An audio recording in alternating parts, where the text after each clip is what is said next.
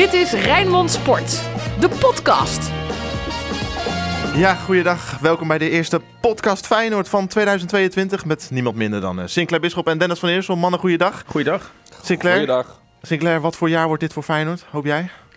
Ja, laten we als eerste hopen, natuurlijk sportief, dat ze eh, een prijs gaan winnen, maar dat het eh, een coronavrij jaar wordt in de zin van dat we normaal gewoon voetbal kunnen beleven. Dus met supporters op de tribune. En ook niet dat de competitie niet straks beslist gaat worden wie de beste is, maar wie het best met corona omgaat. Oftewel dat heel veel wedstrijden eh, eh, worden afgelast omdat er allemaal besmettingen zijn. Dus dat hoop ik in eerste instantie. En uiteraard dat Feyenoord uiteindelijk toch ook nog een prijs aan dit seizoen overhoudt. Heb je daar nog iets aan toe te voegen, Dennis? Nee, helemaal mee eens. Ik zet er meteen mijn handtekening eh, onder als het gaat zoals Sinclair het zegt. Rood, wit, bloed, zweet. Geen woorden maar daden. Alles over Feyenoord. Morgen Feyenoord Vitesse, mannen. Met een vraagteken of een uitroepteken, zeg ik er maar meteen bij. Nou, met een uitroepteken. Want jij bent nog bang dat er misschien een streep door die wedstrijd heen gaat? Ja, nou ja, je weet het niet. De coronabesmettingen binnen Nou, de selectie. Fe- Feyenoord heeft eh, eh, uiteindelijk de coronabesmetting redelijk onder controle. Uiteraard is het elke dag maar weer godzegende de greep en hopen dat er niet zomaar een uitbraak is. Want je kan er weinig aan doen. Maar Feyenoord heeft denk ik er wel verstandig aan gedaan om als een van de eerste clubs gelijk na de winterstop... Toen eh, spelers terugkwamen van vakantie, eh, een streep door het trainingskamp heen te zetten. En toen gelijk hebben ze ook op die maandag iedereen geboosterd. En hebben ze het ook gelijk heel serieus genomen. Daar waar andere clubs toch misschien te laat in actie zijn gekomen. Ik wil geen eh, beschuldigende vinger, maar ik, ik was bijvoorbeeld bij Excelsior in Genk, die dus uiteindelijk toch een trainingskamp hebben gehad. Ja, dan is het achteraf niet raar dat er daar bijvoorbeeld toch ook besmettingen uit voort zijn gekomen. En, en, en er zijn wel meerdere clubs op te noemen waar je toch je vraagtekens zet of dat juiste beleid wel is ingezet. Heb jij enig beeld, Dennis, eh, hoe groot die uitbraak was binnen de, binnen de selectie van Feyenoord en de staf? Nou ja, die, die was toch wel eh, behoorlijk. En als je mij nu vraagt naar het exacte aantal, eh, dat is niet vrijgegeven. Maar ook, ik weet dat ook stafleden waren erbij betrokken. En, en echt wel meerdere spelers. Nou, Sinclair is ook nog een keer op de club geweest. Die heeft toen gezien ook eh, eh, welke spelers er dan wel waren. Hè? Want die, jij bent daar geweest, Sinclair, voor Ja. een interview met Brian Linsen. Eh, dus toen kon je... maar dat was echt wel een uitgedunde selectie die er toen was.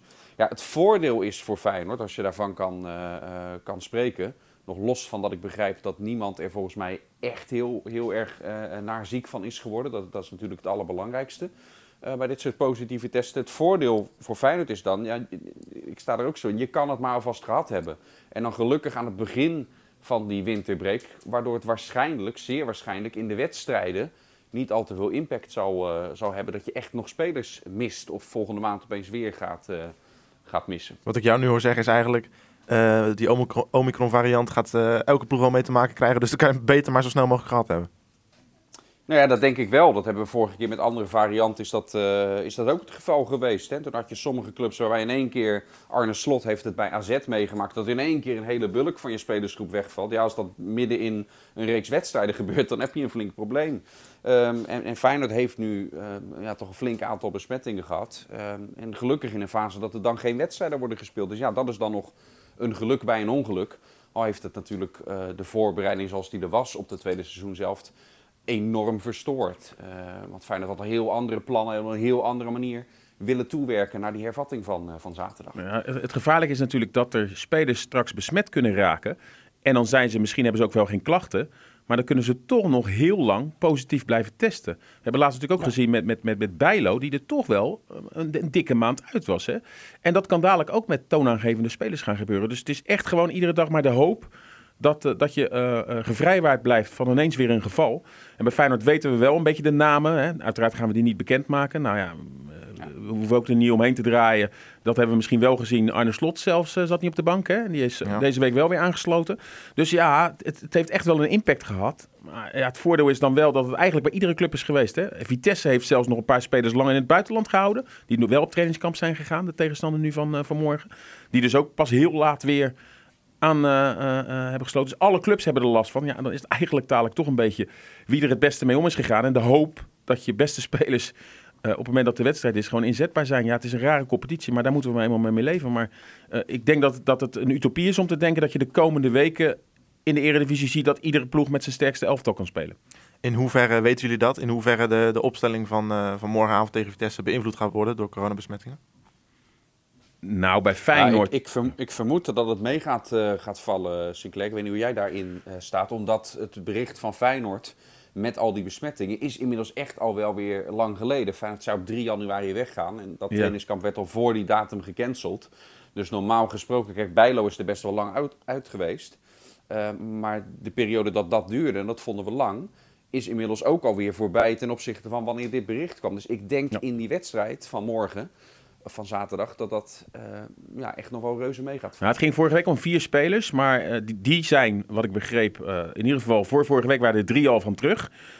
Maar ehm, je weet niet wat er de afgelopen dagen is gebeurd en daar wordt weinig Ja, over gecommuniceerd. Ik, ik ben vorige week ook bij Sparta op trainingskamp geweest, die hadden toen ook vier gevallen. En toen ik afgelopen woensdag daar was bij de presentatie van Namli, zag ik ze alle vier alweer rondhuppelen. Dus wat dat betreft, ja, het kan heel snel gaan. Dus ik hoop dat de laatste dagen, en het kan ook, met, kan ook zijn dat er vandaag geen gevallen zijn, dat er morgen wordt getest. eh, eh, of vandaag wordt getest en dat, dat morgenochtend blijkt dat er toch weer bepaalde gevallen bij zijn gekomen. Daar moet je voor waken dat dat niet het geval is. Maar eh, het ziet er gunstig uit. En Feyenoord heeft, en dat hebben ze vorig jaar ook gedaan hè, met Annemiek van der Rijk, natuurlijk ook gewoon heel veel kennis in huis om er toch voor te zorgen dat, dat, dat het zo, ja, zo ver mogelijk bij de ploeg vandaan blijft. En Feyenoord neemt ook zelf veel maatregelen. Hè, met, met, met eten, met, toch, eh, met. Met, je kan alles bedenken dat ook gewoon op de werkvloer, buiten het feit natuurlijk dat als je op het trainingsveld staat, dat je dan wel met elkaar in aanraking, aanraking komt, dat er, eh, ja, dat er zo veilig mogelijk gewerkt wordt. Los van de besmettingen binnen de groep gingen we natuurlijk de winterstop in met de geblesseerde Gernot Trauner en Luis Sinistera. Dennis, weet jij hoe het, eh, hoe het ervoor staat met die twee? Nou, met Trauner gaat het sowieso eh, gaat het goed. Hè? Volgens mij hebben we dat ook al eh, tijdens deze winterstop. Heb je dat kunnen lezen op, eh, op onze site, op, op toen we al zagen dat hij op de training, van wat wij konden zien, eigenlijk alles weer, weer kon doen. En, en ook met Sinisterre gaat het, gaat het goed. Weet niet of jij daar de laatste update van hebt, eh, Sinclair. Of dat ook betekent dat hij kan starten. Want volgens mij een week geleden was dat nog wel eventjes aankijken van hoe dat herstel zich, eh, zich doortrok. En met Trauner was dat volgens mij minder een vraagteken. Maar volgens mij eh, ziet dat er goed uit. Ja, nou, Sinisterra weet ik niet inderdaad. Die was er vorige week ook niet bij bij het oefenduel. Nee. Dus ik kan me ook dan niet voorstellen dat hij heeft ook echt een achterstand opgelopen dat hij in de basis gaat beginnen. Maar goed, dat gaan we straks vragen op de persconferentie. Trauner heeft vorige week wel weer een half uur gespeeld. Dat was ook een test voor hem in die besloten eh, oefenwedstrijd tegen Pek Zwolle. En dat ziet er wel gewoon goed uit. Dus volgens mij was wel een beetje Trauner sowieso. En hangt Ja. het er echt om of uh, Sinistera deze wedstrijd gaat halen? En eh, ja, we gaan het straks op de persconferentie vragen. We hadden het er net al over, mannen, dat het geen ideale voorbereiding op de tweede seizoenshelft is voor Feyenoord. Geen trainingskamp in Marbella natuurlijk. En als we kijken naar spelers die zijn vertrokken, dat zijn er vijf. Nou ja, eh, inclusief Conte is het dan, die was al uitgeleend natuurlijk. Geen spelers binnengehaald. Kunnen we dan spreken van een tegenvallende winterstop? Tot nu toe wel, maar ja, de, de, de winterstop duurt nog. Hè? Althans, de transferwindow tot de 31ste. Nou ja, je ziet vaak bij, zeker bij Feyenoord, maar ploegen die toch ja, minder geld hebben, dat ze het pas op de laatste dagen echt zaken gaan doen. Kijk, PSV kan gewoon een bedrag gelijk neerleggen wat gevraagd wordt. Kijk, Vitesse zit nu hoog in de boom voor Bazoer. Uh, als Feyenoord wel geld had gehad, dan denken ze, ja, we willen hem toch nu al goed wat goed hebben en dan betaal je dat bedrag. Ja, nu ga je toch hopen dat er op de laatste uh, dagen dat Vitesse dan alsnog eigen voor zijn geld kiest. En aan de andere kant ja, begrijp je ook wel dat Vitesse denkt, ja, waarom zouden we nu al, een tussen aanhalingstekens, een minder bod accepteren. Terwijl ja, wij deze speler niet alleen nog belangrijk vinden in zijn half jaar dat hij contract heeft, omdat wij ook in de Conference League zitten. Maar goed, er kunnen de komende weken nog wel hogere bedragen uh, komen. Dus ja, dat is het spel wat op de achtergrond speelt. Daar helpt het niet mee dat Feyenoord natuurlijk geen geld heeft. En ja, tot nu toe, kijk, Feyenoord staat natuurlijk verrassend goed. Zijn ze aangehaakt bij Ajax en PSV. Maar wil je echt een serieuze kans maken, dan had je je eigenlijk goed moeten versterken. Kan natuurlijk nog altijd, maar op dit moment moet je eerlijk zijn, hebben Ajax en PSV zich wel versterkt. PSV notabene met een Feyenoord target. Ja. Ajax haalt Bobby. Ajax is uh, bezig met Bergwijn. Dus ja, Feyenoord heeft alleen maar wat spelers weggedaan. Hè? Jongens die er een beetje tegenaan schurkten met Diemers. Ja, we kunnen het hele rijtje opnoemen. Dus op dit moment ja, is dat nu nog niet hoopgevend. Maar ja, je weet bij Feyenoord dat er heel veel transfers waarschijnlijk toch in de laatste weken gaan plaatsvinden. In hoeverre vond jij dat een pijnlijke Dennis, die, uh, die uh, Joey Veerman, die, uh, die Sinclair al even aanhaalt? Dat voor je gevoel was Feyenoord er een paar dagen mee bezig inderdaad. En opeens PSV legt dat bedrag op tafel en het is hup geregeld. Nou, dat aspect is pijnlijk inderdaad. Hè? Dat, dat je met de neus op de feiten wordt gedrukt. Dat, dat Feyenoord op dit moment niet in de positie is. En eigenlijk al jarenlang niet is. Waar PSV en zeker Ajax wel zijn. Om, om gemakkelijk eh, eh, marktconforme bedragen neer te leggen.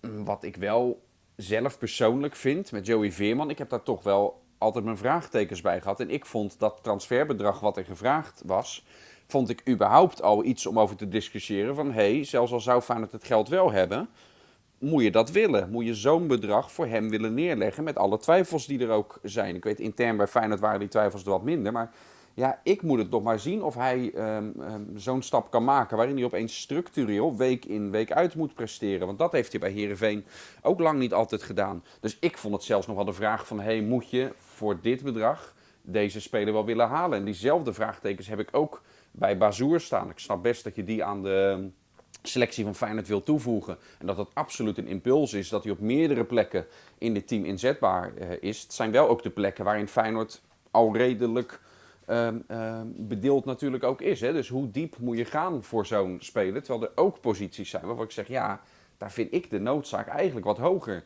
om daarin uh, te investeren. Dus ja, dat zijn wel interessante discussies om te voeren. En ik hoop dat die binnen de club ook gevoerd worden. Hoe, uh, hoe is de precieze status nou nu met Bazoer? Waar, heeft waar ligt het bod van Feyenoord en waar wil Vitesse uiteindelijk naartoe? Ja, dat ligt ver uit elkaar. Maar ja, wat ik net vertelde, uh, Vitesse heeft er helemaal geen baat bij om nu al voor het Feyenoord bedrag hem te verkopen. Hij heeft nog een half jaar contract. Vitesse vindt het een belangrijke speler. Vitesse speelt dus ook nog in de Conference League. Uh, en zij vinden Feyenoord een concurrent. Uh, dus als Feyenoord wel dat hoge bedrag wat Vitesse vraagt, naar verluidt 3 miljoen, neerlegt, dan heeft Feyenoord die speler binnen. Alleen, ja, dat is natuurlijk eigenlijk van het gekke. Dat is Feyenoord voor een speler die over drie, vier maanden transfervrij is, dat je dat bedrag op tafel legt. Dus dat spel wordt gewoon gespeeld hoe een spel altijd gespeeld wordt. Ja, nogmaals, Ajax en PSV zouden dan uiteindelijk gewoon dat geld uh, overmaken. Want ja, ik denk wel uh, dat dit wel een speler is die wel al bewezen heeft, Nederland zelf toch gezeten, dat hij voetballend echt wel iets bij kan brengen bij het elftal. Daar had ik inderdaad wel bij Veerman wel met twijfels bij, maar deze speler kan dat wel. Bij hem komt er een ander probleem om de hoek kijken. Maar goed, daarvoor speelt hij nog in de Nederlandse competitie. De vraag is niet of er problemen met hem gaan komen, maar wanneer die problemen er gaan ja. komen. En dat zou je ook goed moeten managen. Zeker ook als hij niet speelt. Maar het is wel een jongen met een lontje. Aan de andere kant vind ik dat niet erg, want ik denk in elk elftal horen dat soort jongens er ook wel rond te lopen. Volgens mij is het ook wel, ja, dan krijgen we dat woord een winnaar. Weet je, dat hij ook wel veel doet om wedstrijden te winnen. is volgens mij ook super irritant om tegen te voetballen. Maar um, ja, dat is het spel wat op de achtergrond wordt gespeeld. En, en, en, en ja, het zou wel nog pijnlijker zijn als Feyenoord uiteindelijk weer heel veel moeite doet. Net als uh, Veerman, hè, want dat, dat, dat was niet alleen deze transfer winnen. Dat speelde eigenlijk al vanaf vorige zomer. Dat je dan weer naast een speler zou grijpen. Maar aan de andere kant geeft het de status weer. Hè. En, ik, ik ben eigenlijk ook wel zo. Ik zit ook wel in de discussie zo van. Feyenoord is juist een, um, een hele nieuwe weg ingeslagen. Hè, met eigenlijk niet meer spelers van de subtop halen. Al vind ik Bazoer, omdat hij in de top wel al, al heeft bewezen dat hij, dat hij mee kan.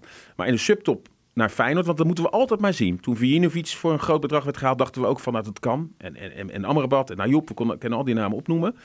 En ik vond het juist dat Feyenoord eindelijk een keer spelers al voordat ze mogelijk een, een, een, een, een, een hoog bedrag moeten kosten, hebben getraceerd. Met Pedersen, zien we eigenlijk ook met, uh, met Uisnes.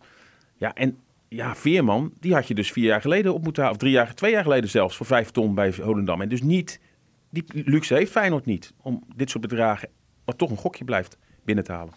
In hoeverre... Er is nog één aspect hè, van, uh, van, van de kostenpost rondom uh, iemand als Bazoer. Kijk, die zal vast ook hebben ingeleverd uh, nu hij bij Vitesse speelt ten opzichte van wat hij bijvoorbeeld bij Ajax heeft verdiend. Ik kan me ook voorstellen als die jongen, ook de leeftijd die hij nu heeft, dan toch weer een stap omhoog maakt. En Feyenoord is een stap omhoog van Vitesse. Uh, dat hij dan ook weer meer zal willen verdienen. En daar is niks mis mee. Maar de vraag is ook of Feyenoord daaraan kan voldoen, wat dan eventueel gevraagd wordt. Hè? Want ik ga even terugdenken aan toen Linsen naar Feyenoord kwam.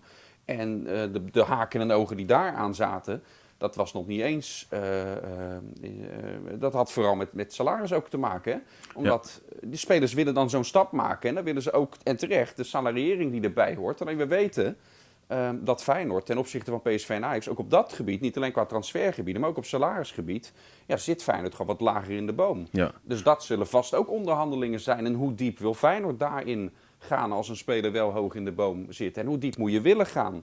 in, in de verhouding met andere spelers eh, ook, ook, ook belangrijke dingen. Dat wel. Maar eh, toen eh, Linse kwam, toen waren er nog wel heel veel grootverdieners. Die inmiddels wel een beetje van de loonlijst af zijn. Feyenoord heeft natuurlijk ook nu in de winterstop wel wat in de salariering vrijgekregen. Hè, met Diemers, eh, met, met, met ja, eh, Antonucci, met ehm, Bannes. Al die spelers die verhuurd zijn. Dus daar is wel wat mogelijk. Alleen ja, ik denk dat je wel eigenlijk moet voortborduren met het elftal. Als iedereen fit is, oké, we hebben het net over corona en dat zal dus niet elke keer zo zijn. Is er op dit moment eigenlijk geen plaats voor Bazoer. Hoe geweldige speler het ook kan zijn. En, en, en we zien op eigenlijk hem al een jaar, anderhalf jaar bij Vitesse... als een inschuivende verdediger in een 5-3-2 systeem. Dat, ja, zo speelt Feyenoord niet. Want ik denk dat hij kwetsbaar is als hij in een vier eh verdedigerssysteem achterin staat.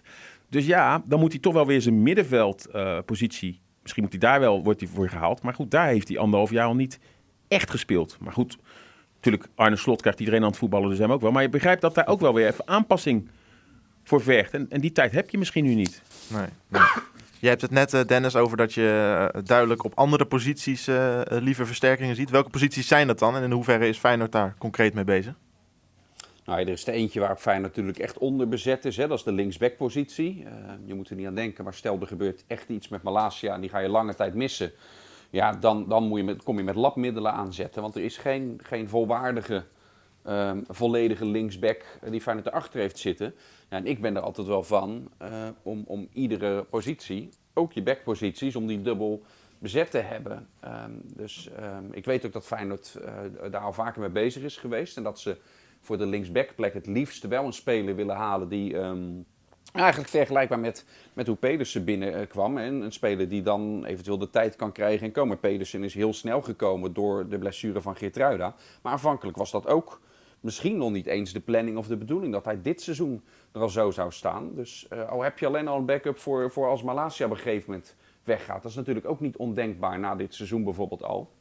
Ehm, dus dat is een plek eh, waar Feyenoord absoluut wel, eh, wel als eerste prioriteit denk ik er iets bij zou moeten, moeten hebben. Welke plekken denk jij, Federatie Klein?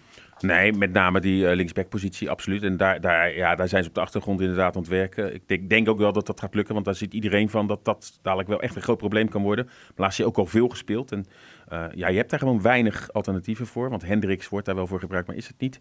Ja, en voor de rest moet Feyenoord het dan toch hebben om, om als er ineens een koopje zich aandient of een speler die toch bij een topclub eh, niet speelt en verhuurd kan worden, om toch in de breedte je te versterken. Dat wat Ajax en PSV ook doen. En zo niet, dan moet je ja, maar hopen dat je gevrijwaard blijft van, eh, van blessures. Maar ja, je speelt eh, ook nog in de Conference League. eh, in, in de competitie ja, stapelen de wedstrijden zich dadelijk ook op. En ja, dan is het altijd wel lekker om, om, toch een goede bank te hebben. En, en, en, wat gaat er nog gebeuren met bijvoorbeeld Texera? Toch allemaal spelers die nu in de breedte bij die selectie zitten, maar eigenlijk uitzichtloze positie hebben. Dus het zou uiteindelijk wel mooi zijn als je je toch nog kan versterken met een buitenkantje. Maar in eerste instantie, als, als Bazoer binnen is, een linksback. En dan heb je in ieder geval eh, eh, een selectie waarmee je de tweede seizoenshelft normaal gesproken... Hè, eh, maar wat is normaal in het voetbal? Maar normaal gesproken het seizoen ermee uit kan spelen. Vijf spelers uitgeleend deze winst. Ik noem ze nog even op voor de. Nu we toch bezig zijn. Container FC Dordrecht, Balde, Waasland Bever, Frances- Francesco Antonucci, FC Volendam, Mark Diemers naar Hannover, 96 en nou Verbanders naar NAC. Zit daar voor jou, Dennis, nog een verrassing tussen? Nee, niet. Het zijn stuk voor stuk spelers die eh, natuurlijk heel erg weinig uitzicht hadden op, eh, op speeltijd. Eh, bij sommige spelers die worden verhuurd, nou, min of als een geste, naar die, naar die speler toe. Hè, dat ze elders dan, dan minuten kunnen maken. Bij andere jongens, zoals Banis, ehm, ehm, eh, wordt er bij de club, is er nog wel vertrouwen dat het op termijn iets kan, iets kan worden. Hè? Want, want Feyenoord wil nog wel daarna met hem door. Dus de hoop op een echte doorbraak van Banners bij Feyenoord is nog niet, eh, is nog niet opgegeven. In ieder geval niet door iedereen binnen, binnen de club. En ja, stuk voor stuk, de namen die je opnoemt, eh, begrijp ik het wel. Want die hadden amper uitzicht op, eh, op speeltijd in de komende seizoen zelf. Jij zegt het al, Dennis, inderdaad. Eh, het contract van Ban is met een jaar verlengd bij Feyenoord. Ja. Ehm, in hoeverre ehm, hoop jij, heb jij die hoop nog, Sinclair, dat hij ooit daadwerkelijk door zal breken in de Kuip? Ja, natuurlijk heb je die hoop. Maar soms moet je als club ook gewoon eh, een beslissing nemen. En dan, ja, dan kan er een scenario zich voordoen als met Vincent Jansen. Maar ja, tot nu toe heeft hij zo vaak al de kans gekregen. En eigenlijk nooit echt overtuigd. En, en we weten allemaal dat dat Feyenoord onder 21 elftal, dat er ook niet echt uit de verf kwam. En dat het heel goed voor, voor deze jongens was geweest, voor deze generatie, om uh, hè, uh, Feyenoord in de, in de keukenkampioen-divisie te hebben. Dat is allemaal niet gebeurd. Ja, en er komt nu ook een leeftijd wel bij Pannes dat je je eigenlijk wel moet afvragen, wordt dit nu nog wel de spits van Feyenoord 1? En Antonucci, ja, gaat hij ook nog wel Feyenoord 1 halen? En, en, en Diemers wordt nu uitgeleend. Die keert dan, allemaal keren ze dan dadelijk weer vrolijk terug. Maar daar moet je ook misschien van denken, ja, dan moet je gewoon gegokt en verloren. Uh, Conte gaat nu naar FC Dordrecht, dan zal hij het ongetwijfeld goed gaan doen. Maar die heeft natuurlijk ook nog geen onuitwisbare indruk gemaakt. En van deze spelers zal er ongetwijfeld straks één zijn die terugkeert en misschien wel ineens opbloeit. Uh, maar ja, soms moet je dan toch maar het risico nemen door spelers liever te verkopen. Dan, ben je er, ja, dan is het ook voor alle partijen duidelijk. Hou je er nog wat aan over? En ja, Feyenoord zit wel altijd in de positie dat ze vaak spelers halen. En dan is het ook soms een, een, geste door spelers maar transfervrij de deur uit te doen of te verhuren. Continu. Ja, daar wordt die speler beter van. Maar Feyenoord eigenlijk niet. En uh, met hele jonge spelers kan ik me nog wel voorstellen. Maar zeker met, met bijvoorbeeld met Mark Diemers. Ja, ik had altijd gekeken toch naar die speler te verkopen. In plaats van dat je ja, hem dadelijk weer terugkrijgt. En dan ga je straks in augustus ga je weer diezelfde schifting ga je maken. En dan kom je weer tot de uh, conclusie dat hij misschien net tekort komt voor Feyenoord 1 en dat het beter is om, uh, om weg te gaan. Ik begrijp het ook, soms komt het vanuit de speler die denkt, ja, dit salaris bij Feyenoord ga ik natuurlijk nergens krijgen. Ik blijf gewoon zitten. ja, dan moet je het spel misschien maar harder spelen. Dan blijft zo'n speler maar zitten. Maar ja, dit zijn van die gestes waar je als club in mijn optiek niet altijd beter van wordt het is wel heel hard gezegd, maar het is toch wel gewoon zo dat Feyenoord gewoon zo snel mogelijk af moet ook van Mark Diemers uiteindelijk. Ja, dus uh, proberen te verkopen. En ja, en, en, ja in het uiterste geval misschien uh, uh, ontbinding van een contract of zo. Als je echt geen vertrouwen meer hebt in spelers. Hè? Maar het is niet van nu, maar als je altijd maar kijkt dat, dat, dat spelers die bij Feyenoord mislukken worden of transfervrij weggedaan of uh, worden dan weer verhuurd en blijven maar verhuurd worden tot ze eigenlijk uit hun contract lopen. En er lopen nu ook uh, bij andere clubs nog uh, aardig wat spelers die al verhuurd zijn. En ook met El Boustaoui en met Azarkan. Maak nou echt eens gewoon voor jezelf van wat gaan we nou met die speler? Is er nou echt een plan met Boustaoui? Of komt hij dadelijk in ieder geval weer terug? Azarkan komt sowieso weer terug. Maar gaat hij dan weer komende zomer verhuurd worden? Uh, bijvoorbeeld als er kan? Of is er nou echt een plan van, oké, hij is nu bij Excelsior en volgend jaar moet hij uh, de backup zijn voor Jaan Baks? Of moet, en dan gaan we dus geen Reece Nelson huren. Of kom gewoon tot de conclusie, oké, deze speler gaat nooit Feyenoord 1 halen. En daar vind ik dat Feyenoord nog stappen mee moet maken. Dat het niet allemaal maar is pap en nat houden. Maar dat er echt gewoon daadwerkelijk een plan moet zijn met al die spelers die verhuurd worden. was wel een lekkere kennismaking, Dennis, met uh, Christian Conte bij Dordrecht. Maar ja, die uh, viel in, uh, scoort meteen de openingsgoal in die. Uh, ik had amper door dat hij erin stond en hij lag erin. Ja, ja dat, dat was heel snel, die eerste minuten bij een nieuwe club. Dus ja, mooi voor hem. En mooi voor Dordrecht. En op termijn, als hij daar goed gaat doen en, en fit blijft. Want dat is voor, vooral volgens mij bij Christian Conte waarom hij nog niks heeft kunnen laten zien is omdat als hij er dan uh, een keer was en kon invallen, uh, was hij de wedstrijd daarna was hij alweer geblesseerd. Ja. Dus ja, dat maakt het heel moeilijk om een oordeel te vellen. Dat kan zijn dat hij dus dat niveau niet aan kan, maar hij liep daarvoor ook al langere tijd te kwakkelen. Maar, maar, maar het zou voor hem gunstig zijn als hij in Dordrecht in ieder geval daar aan kan werken, dat hij eindelijk een keer fit is en dan kun je hem gaan beoordelen. Maar, maar Dennis, als we heel eerlijk zijn, hè, uh, het is niet voor niets dat hij naar Dordrecht gaat. Hè? Uh, dus met andere woorden, al die eredivisieclubs ja. die tegen degradatie vechten of de topclubs in de Jupiler League, die zien daar dan ook niets in. Anders zijn zij er wel bij om zo te spelen. Zandhausen is geen hoogvlieger ja. in de tweede Bundesliga. Daar heeft hij vier wedstrijdjes is die ingevallen. En ja, uh, Mark Diemers gaat niet naar een Bundesliga-club. Nee, die gaat naar een ploeg die strijdt tegen degradatie in de Tweede Bundesliga. En ja, Feyenoord verhuurt dat soort spelers. Ja, ik kan me nou niet voorstellen dat dat potentiële Feyenoord één spelers worden. Die komt er, ja, het is allemaal leuk en aardig. Hij is super snel. Maar goed, dat is Usain Bolt ook. Die uh, wilde ook graag voetballen, dat lukte ook niet. Nee, maar je begrijpt wat ik bedoel. En, en, en, ja. en PSV en uh, uh, andere clubs, als zij dan spelers verhuren, dan is dat echt wel met een plan. Die gaan dan echt bij een, een middenmotor in de eredivisie of gaan bij Twente of bij Herenveen. En dan heb je inderdaad kans dat als ze het daar goed doen, dat ze echt aan gaan haken. Maar ja, je kan er toch geen pijl op trekken. Stel dat hij er nu 15 inschiet bij Dordrecht. Dat is echt geen garantie dat hij da daardoor ze beter is geworden en bij Feyenoord weer goed doet. Weet je? En dat, dat, die garantie heb je wel als hij bij wijze van spreken bij Twente of wat dan ook uh, goed doet. Maar het zegt genoeg dat dat soort ploegen niet voor dit soort huurspelers van Feyenoord op de stoep staan. FC Rijnmond. Archief. We gaan het archief in, mannen. Feyenoord Vitesse. Vorig seizoen 0-0. Laatste nederlaag alweer mei 2015. Ja, maar eh, je kan ook zeggen, uh, ben ik met het glas half vol, half leeg. Uh, laatste duels wist Feyenoord maar niet te winnen. Hè. Dit seizoen is er verloren in Arnhem. Vorig seizoen thuis die 0-0, waar Berghuis rood kreeg en uit ook verloren. Dus uh, Feyenoord smacht wel weer eens naar een overwinning. Ehm, maar jij bent op zoek naar wel een overwinning. Ja, lekker, neem ons even lekker mee het archief in. Nou, Robin van Persie die besliste ooit een, met een heerlijke vrije trap. Feyenoord-Vitesse, een jaar of drie, vier geleden. was ook nog een wedstrijd waar hij de rode kaart kreeg van Goezepoejoek. Wedstrijd in de slotfase 30, uiteindelijk, 30 september 2018. Ja, uiteindelijk werd die kaart nog wel geseponeerd. Maar dat was echt de wedstrijd van Robin van Persie. En ja, een van de weinige keren dat we een vrije trap bij Feyenoord hebben zien binnenslaan. Want we hebben eigenlijk jarenlang geen specialist. Ook nu weer niet. Hè. Er gaan weinig vrij, rechtstreekse vrije trappen bij Feyenoord in. Nou, gelukkig, Van Persie had wel zo'n geweldige trap. En hij schoot uh, bijvoorbeeld toen tegen Vitesse een heerlijke vrije trap binnen, waardoor Feyenoord de wedstrijd won. Ja, krankzinnige slotfase was dat, weet ik nog. Inderdaad, een paar minuten voor tijd die, die vrije trap van Van Persie. Daarna kreeg hij rood. Danilo Doekie kreeg ook nog rood. Maar goed, Feyenoord pakte de drie punten. Dat was het belangrijkste. Wat weet jij nog uh, van die wedstrijd, Dan? Ja, de dingen die, die jullie uh, zeggen. En ook dat je Van Persie al zag kijken naar die, uh, naar die verre hoek bij die vrije trap. Het voelde gewoon aankomen. Hij gaat hem, hij gaat hem erin hengsten. Ja.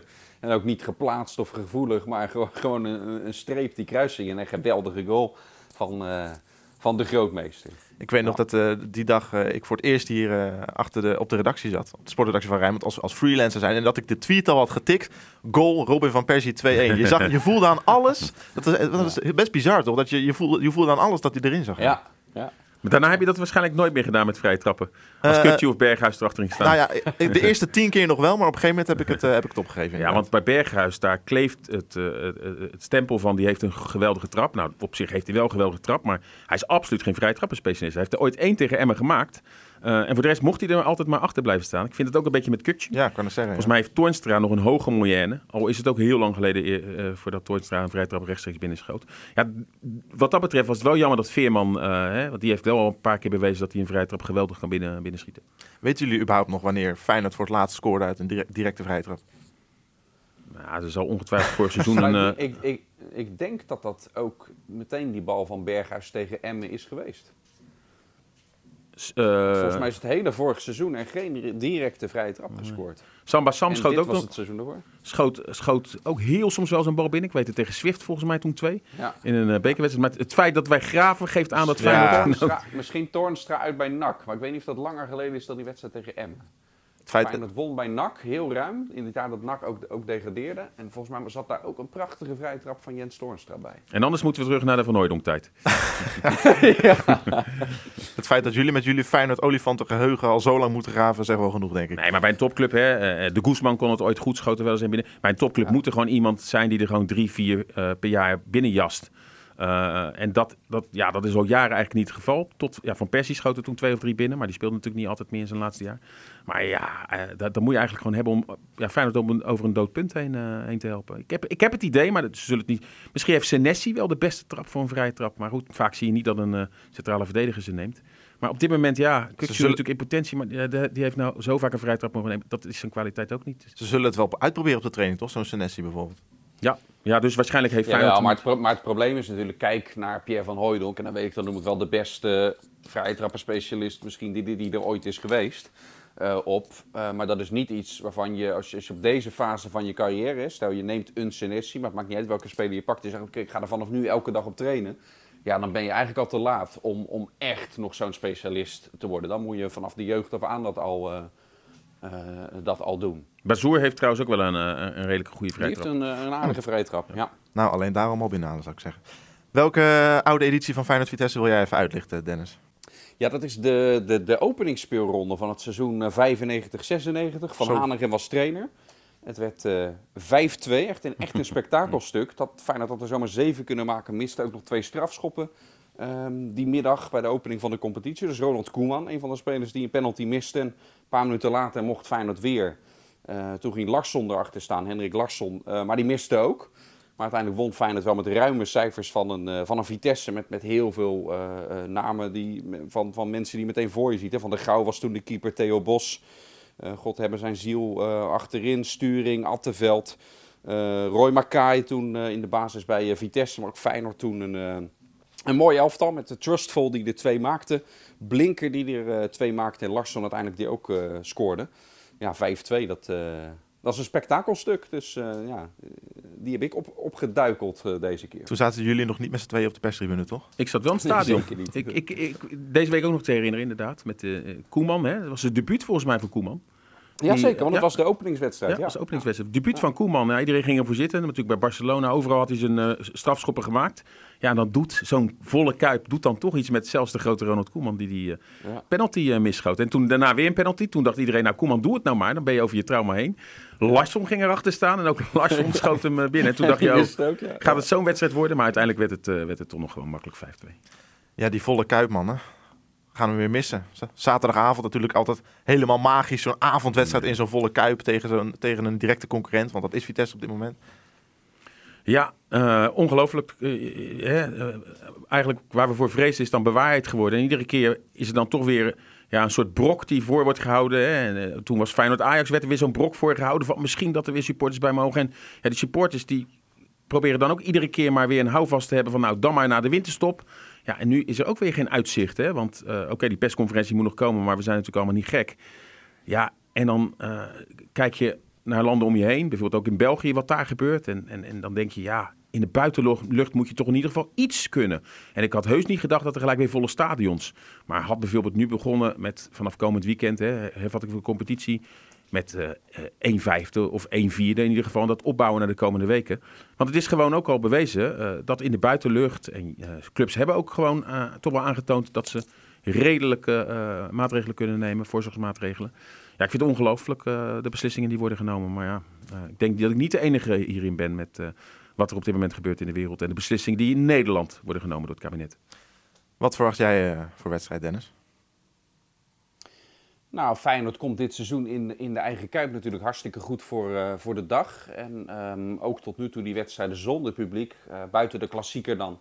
eh, ehm, eh, waarin ik Feyenoord niet herkenbaar vond met, met hoe ze de rest van dit seizoen spelen. Ook de tegenstander trouwens niet hoor, maar over die wedstrijd hebben we het, hebben we het genoeg gehad. Ik vind Feyenoord tot nu echt een sterk thuisseizoen hebben. Ook in de wedstrijden dat er geen publiek bij was. ehm Feyenoord toch ook goede dingen weer laten zien. Waardoor het lijkt een soort machine te worden ook hè, bij, bij Feyenoord. Dat ongeacht de omstandigheden waar ze spelen, ook bij uitwedstrijden begint er steeds weer iets vorm in te komen. Al vind ik dat verschil nog wel wat groot. Maar ja, er komt steeds meer lijn in dat Feyenoord gewoon dezelfde patronen en dezelfde filosofie hulde het uitvoert. En dat is, eh, ja, dat is wel een basis om tot successen eh, te komen. Ook eh, zaterdag weer bij ja, toch een wedstrijd die meteen belangrijk is om eh, naar boven te kunnen blijven kijken wat Feyenoord het liefste wil. Of dat je, ook al willen we dat allemaal niet, toch iets meer naar beneden moet kijken naar die teams van oké, het wordt een strijd om plek drie. Daar gaat het meteen een, eh, een belangrijke, niet een beslissende, maar wel een belangrijke wedstrijd voor zijn. Is dit nou lekker Sinclair? Meteen zo'n zo'n zo'n pittige na de winterstop? Of wil je liever even inkomen met een... Nou, eh, Het is pittig, maar je hebt hem thuis. En ik bedoel, eh, volgens mij zijn de programma's van Ajax en PSV wel pittiger. Hè? PSV nu naar Groningen en daarna Ajax. Ajax nu naar Utrecht en daarna PSV. Eh, want Feyenoord heeft deze dan. Maar daarna hebben ze een relatief, NEC uit, Sparta thuis, relatief wat makkelijker programma. Dus ja, je, je kan gewoon hele goede zaken doen gelijk. Door nu goed uit die winterstop te komen. En ik moet zeggen, ja, op basis van de laatste wedstrijd uit bij Herenveen heb ik er wel een goed gevoel over. Dat was echt een, eh, een geweldige wedstrijd. Waarin je echt het idee had, ja, wil Feyenoord echt aanhaken, moet deze gewonnen worden. Nou, dat deed Feyenoord zo overtuigend. Beetje jammer dat dan eh, eh, de winterstop aanbreekt. Maar als Feyenoord dat niveau de komende weken kan aantikken, dan, eh, ja, dan zie ik het wel goed komen. En ik bedoel, ja, Vitesse, eh die moet je wel voor waken. Dat is wel een, geslepen ploeg. Dat heeft Feyenoord natuurlijk in Arnhem gemerkt. Dat als ze eenmaal voorkomen, had natuurlijk wel met individuele fouten toen van Senesi en met Geertruiden te maken. Maar dan, dan is het gewoon een hele nare, vervelende ploeg. Hè? De effectieve speeltijd bedroeg toen geloof ik iets van eh 55 minuten. ja, dat ging helemaal nergens. Ja, en, maar ja, dat weet je, dat zou nu ook weer kunnen hè, als ze op voorsprong komen of het blijft lang gelijk. Dus je moet gewoon zelf ervoor zorgen dat je in afloop niet het eh, verwijt kan maken dat eh, Vitesse er niets aan deed. Want dat weet je gewoon van deze ploeg. Ik hoop dat ze daarvan geleerd hebben. Eh, want ja, één ding weet je, die ploeg gaat alles uit de kast halen met op de grond rollen. En die is weer geblesseerd en Pietje. Het was echt gênant, die wedstrijd. Maar ja, ze hebben er wel een over... Nee, maar ze halen er wel een overwinning door in huis. En laten we gewoon heel eerlijk zijn, als Feyenoord zo van Ajax wint, vinden we dat ook niet erg. Maar als het tegen je gebeurt, is het bloedirritant. Zal Bazoer gewoon gaan spelen? Want dat zal voor hem ook wel gek zijn, toch? Ja, maar ja, hij staat onder contract. Normaal gesproken wel. Ik ben benieuwd. Ik vind het ook een, een, een, interessante vraag. Collega's van Gelderland die zijn straks in, eh, in Arnhem. Die gaan hem ook spreken. Interviews zal straks ook bij ons op de website te vinden, te vinden zijn. Ja, eh, eh, ik weet dan niet of het verstandig is hè, eh, om hem op te stellen. Maar aan de andere kant, ja, hij is gewoon speler van Vitesse. Hij is belangrijk voor Vitesse. Heel belangrijk, ja. Dus ik denk dat Lets daar maling aan heeft. Maar aan de andere kant, ja, hij kan het natuurlijk nooit goed doen in zo'n wedstrijd. Niet voor Vitesse, maar ook niet voor Feyenoord. Misschien is hij bij zijn gedachten al bij een andere club. Dus hoeft niet Feyenoord te zijn, maar kan ook PSV of een Portugese club zijn. Ik denk dat het meest verstandig zou zijn om hem die wedstrijd niet te laten spelen. Maar ja, zolang hij speler van Vitesse is, kan ik me ook zo voorstellen dat de, de supporters en ook de trainer gewoon eist dat hij eh, zich nu nog volledig voor Vitesse inzet. Wat zou jij doen, Dennis, als trainer van Vitesse? Want ik, ik, ik denk dat jij als sport, als, als Feyenoorder hem liever niet ziet spelen. Maar wat zou jij doen als jij de trainer van Vitesse zou zijn? Ja, heel simpel, gewoon opstellen. Want hij is op dat moment contractspeler van, eh, van Vitesse. En eh, op het moment dat hij eh, laat merken dat hij er met zijn kop niet meer bij is, eh, dan moet je hem überhaupt uit je selectie zetten, ongeacht welke wedstrijd er dan eh, aankomt. Maar als je als trainer die signalen niet hebt, ja, dan stel je hem gewoon, eh, gewoon op. Zeker als het een van je bepalende spelers is. Helder. Making Memories, man. Hebben jullie het filmpje gezien? Ja, ik hoor wisselende, wisselende verhalen erover. Ik zelf was wel enthousiast, maar ik hoor best wel veel negatieve verhalen. Hoezo negatief? Nou, negatief dat het, eh, ja, sowieso dat het in het Engels is. Waarom niet gewoon in het Nederlands? Ja, Eh, nou, nou, je, je vraagt aan mij wat de commentaren zijn. ja dat is waar. En dat het, eh, ja, niet zo bij Feyenoord past. hoe dit filmpje wordt gemaakt. En dat het toch ook een beetje lijkt dat er allemaal van die, ehm, van die termen door een reclamebureau bedacht in het filmpje naar voren komen. Wat, wat, wat, ja, wat je eigenlijk niet bij Feyenoord vindt passen. Met andere woorden, als ze met dit concept naar PSV hadden gegaan, we willen zo'n leuk filmpje maken, had het ook daar gekund. En bij Feyenoord past juist soms iets wat gewoon echt bij die club hoort. Maar je moet toch, toch op social media, moet dit toch een beetje tegenwoordig. Je ziet het Ajax en PSV Ja, ja, ja. constant doen. Dus daarin heeft de, de eh, afdeling van Feyenoord heeft eh, enorme stappen gemaakt, de mediaafdeling. En ik, ik persoonlijk vond het een leuk filmpje wat mij aangreep. Maar ik, ik, ik vertel alleen wat een beetje de commentaren zijn die je leest, maar ook die je in je omgeving, in mijn Feyenoord groep app, appjes, maar ook hier op de redactie eh, hoort. Dan zijn er ook wel mensen negatiever. Vond jij het een mooie versie van eh, Love You More, Dennis? Jawel, maar ik begrijp wel wat Sinclair eh, bedoelt. En die reacties heb ik ook, ook gezien. Wat, wat heel erg belangrijk eh, is, ook juist op social media, zegt je moet dat doen. En daar, daar ben ik mee eens. Maar ik denk dat het heel erg belangrijk is om wel ehm, eh, daarin eh, authentiek natuurlijk eh, te zijn. Hè? Dat, dat is soms een heel erg dunne lijn. Ik moet zeggen, bij dit, dit filmpje viel ik er niet... Ik zie wel eens filmpjes van clubs dat ik denk, ja, dit is echt gewoon zo generiek. Had je copy-paste over elke andere club, had je dat ook kunnen, eh, eh, kunnen doen. Dus dat vond ik hierbij... eh, vond ik dat niet helemaal. Maar ik begrijp wel het punt, wat, ehm, ehm, eh, wat zeker bij Feyenoord, waar Feyenoord leent zich daar ook zo voor. Feyenoord heeft zoveel elementen die echt uniek voor Feyenoord zijn, dat je die juist in dat soort uitingen dan, dan moet gebruiken. Nou, Making Memory dus. Morgenavond maar mee beginnen thuis tegen Vitesse. 8 uur aftrap. Jullie zijn erbij, allebei. Dennis Ja. en Sinclair. Yes. Yes. Radio Rijnmond Sport is er al vanaf 7. Dus ik zou zeggen, eh, lekker die radio aan zoals altijd. Veel plezier daarbij. En eh, voor deze podcast, ook namens Dennis en Sinclair, zeg ik bedankt voor het luisteren en eh, tot de volgende. Dit was Rijnmond Sport, de podcast. Meer sportnieuws op Rijnmond.nl en de Rijnmond app.